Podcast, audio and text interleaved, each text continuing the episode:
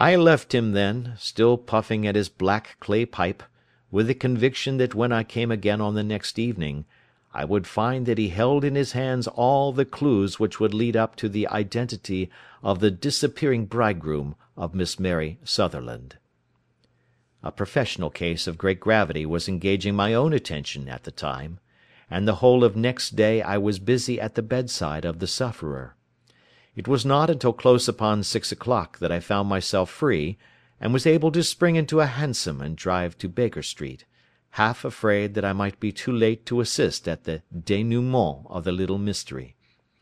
I found Sherlock Holmes alone, however, half asleep, with his long, thin form curled up in the recesses of his armchair. A formidable array of bottles and test tubes, with the pungent cleanly smell of hydrochloric acid, told me that he had spent his day in the chemical work which was so dear to him. "Well, have you solved it?" I asked as I entered.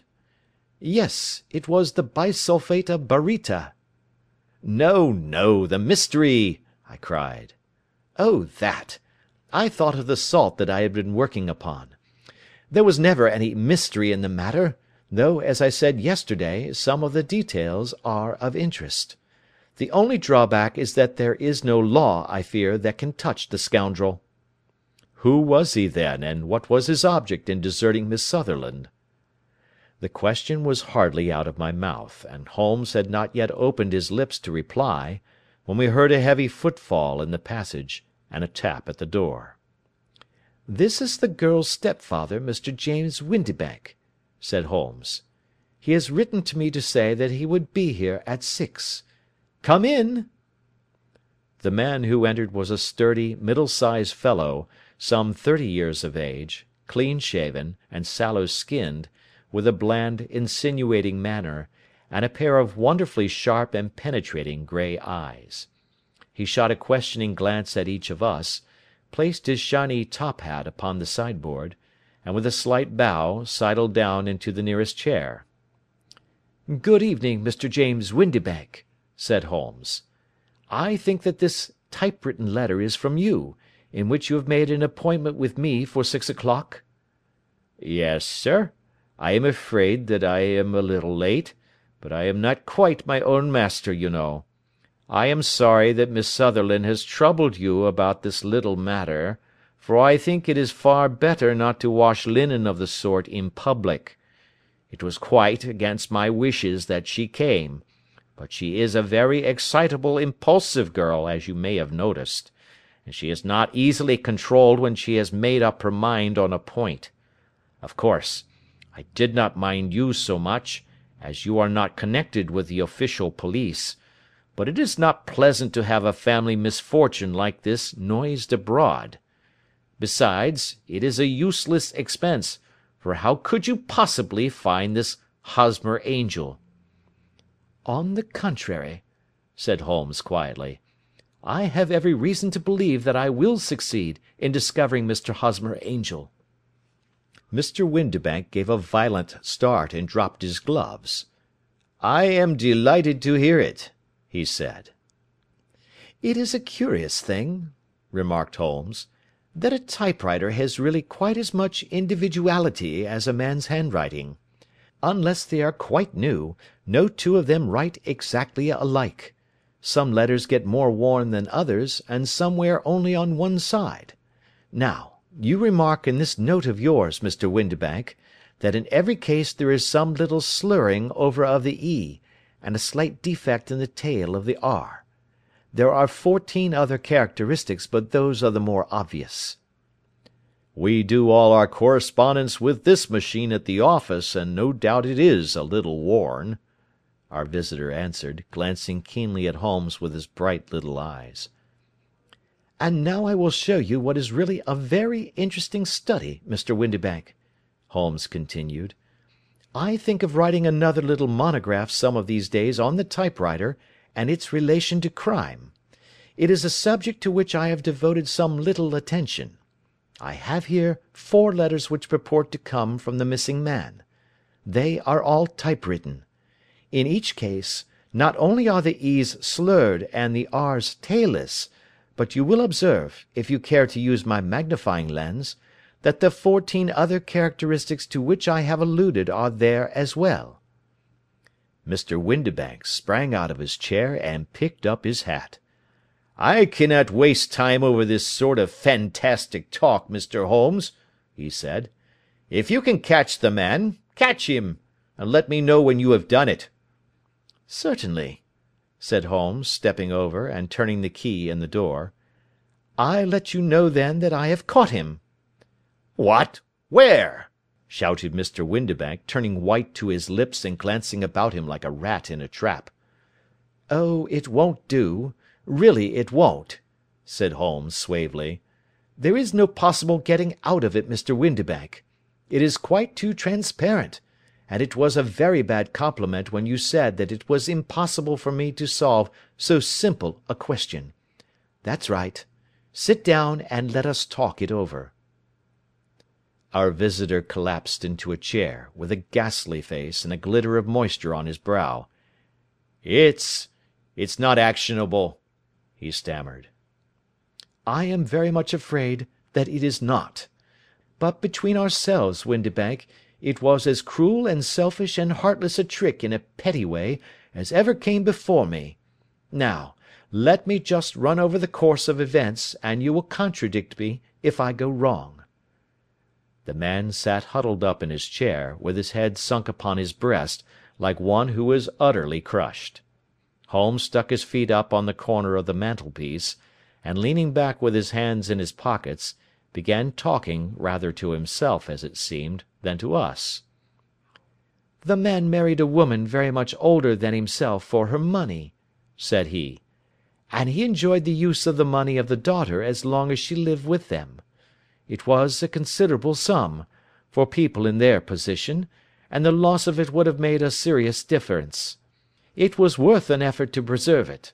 The daughter was of a good, amiable disposition, but affectionate and warm hearted in her ways, so that it was evident that with her fair personal advantages, and her little income, she would not be allowed to remain single long. Now her marriage would mean, of course, the loss of a hundred a year, so what does her stepfather do to prevent it? He takes the obvious course of keeping her at home and forbidding her to seek the company of people of her own age. But soon he found that that would not answer for ever. She became restive, insisted upon her rights, and finally announced her positive intention of going to a certain ball. What does her clever stepfather do then? He conceives an idea more creditable to his head than to his heart. With the connivance and assistance of his wife, he disguised himself, covered those keen eyes with tinted glasses, masked the face with a moustache and a pair of bushy whiskers, sunk that clear voice into an insinuating whisper, and doubly secure on account of the girl's short sight, he appears as Mr. Hosmer Angel, and keeps off other lovers by making love himself." "It was only a joke at first," groaned our visitor. We never thought that she would have been so carried away." "Very likely not. However that may be, the young lady was very decidedly carried away, and having quite made up her mind that her stepfather was in France, the suspicion of treachery never for an instant entered her mind. She was flattered by the gentleman's attentions, and the effect was increased by the loudly expressed admiration of her mother. Then Mr. Angel began to call, for it was obvious that the matter should be pushed as far as it would go, if a real effect were to be produced. There were meetings, and an engagement, which would finally secure the girl's affections from turning towards any one else. But the deception could not be kept up for ever. These pretended journeys to France were rather cumbrous. The thing to do was clearly to bring the business to an end in such a dramatic manner that it would leave a permanent impression upon the young lady's mind, and prevent her from looking upon any other suitor for some time to come. Hence those vows of fidelity exacted upon a testament, and hence also the allusions to a possibility of something happening on the very morning of the wedding. James Windibank wished Miss Sutherland to be so bound to Hosmer Angel, and so uncertain as to his fate, that for ten years to come, at any rate, she would not listen to another man. As far as the church door he brought her, and then, as he could go no farther, he conveniently vanished away by the old trick of stepping in at one door of a four wheeler, and out at the other. I think that was the chain of events, Mr. Windibank." Our visitor had recovered something of his assurance while Holmes had been talking, and he rose from his chair now with a cold sneer upon his pale face. "It may be so, or it may not, Mr. Holmes," said he. "But if you are so very sharp you ought to be sharp enough to know that it is you who are breaking the law now, and not me. I have done nothing actionable from the first, but as long as you keep that door locked you lay yourself open to an action for assault and illegal constraint." "The law cannot, as you say, touch you," said Holmes, unlocking and throwing open the door. "Yet there never was a man who deserved punishment more. If the young lady has a brother or a friend, he ought to lay a whip across your shoulders, by Jove!" he continued flushing up at the sight of the bitter sneer upon the man's face. "It is not part of my duties to my client, but here's a hunting crop handy, and I think I shall just treat myself to—" He took two swift steps to the whip, but before he could grasp it there was a wild clatter of steps upon the stairs, the heavy hall door banged, and from the window we could see Mr. James Windibank running at the top of his speed down the road. "There's a cold blooded scoundrel!" said Holmes, laughing, as he threw himself down into his chair once more. "That fellow will rise from crime to crime until he does something very bad and ends on a gallows. The case has, in some respects, been not entirely devoid of interest."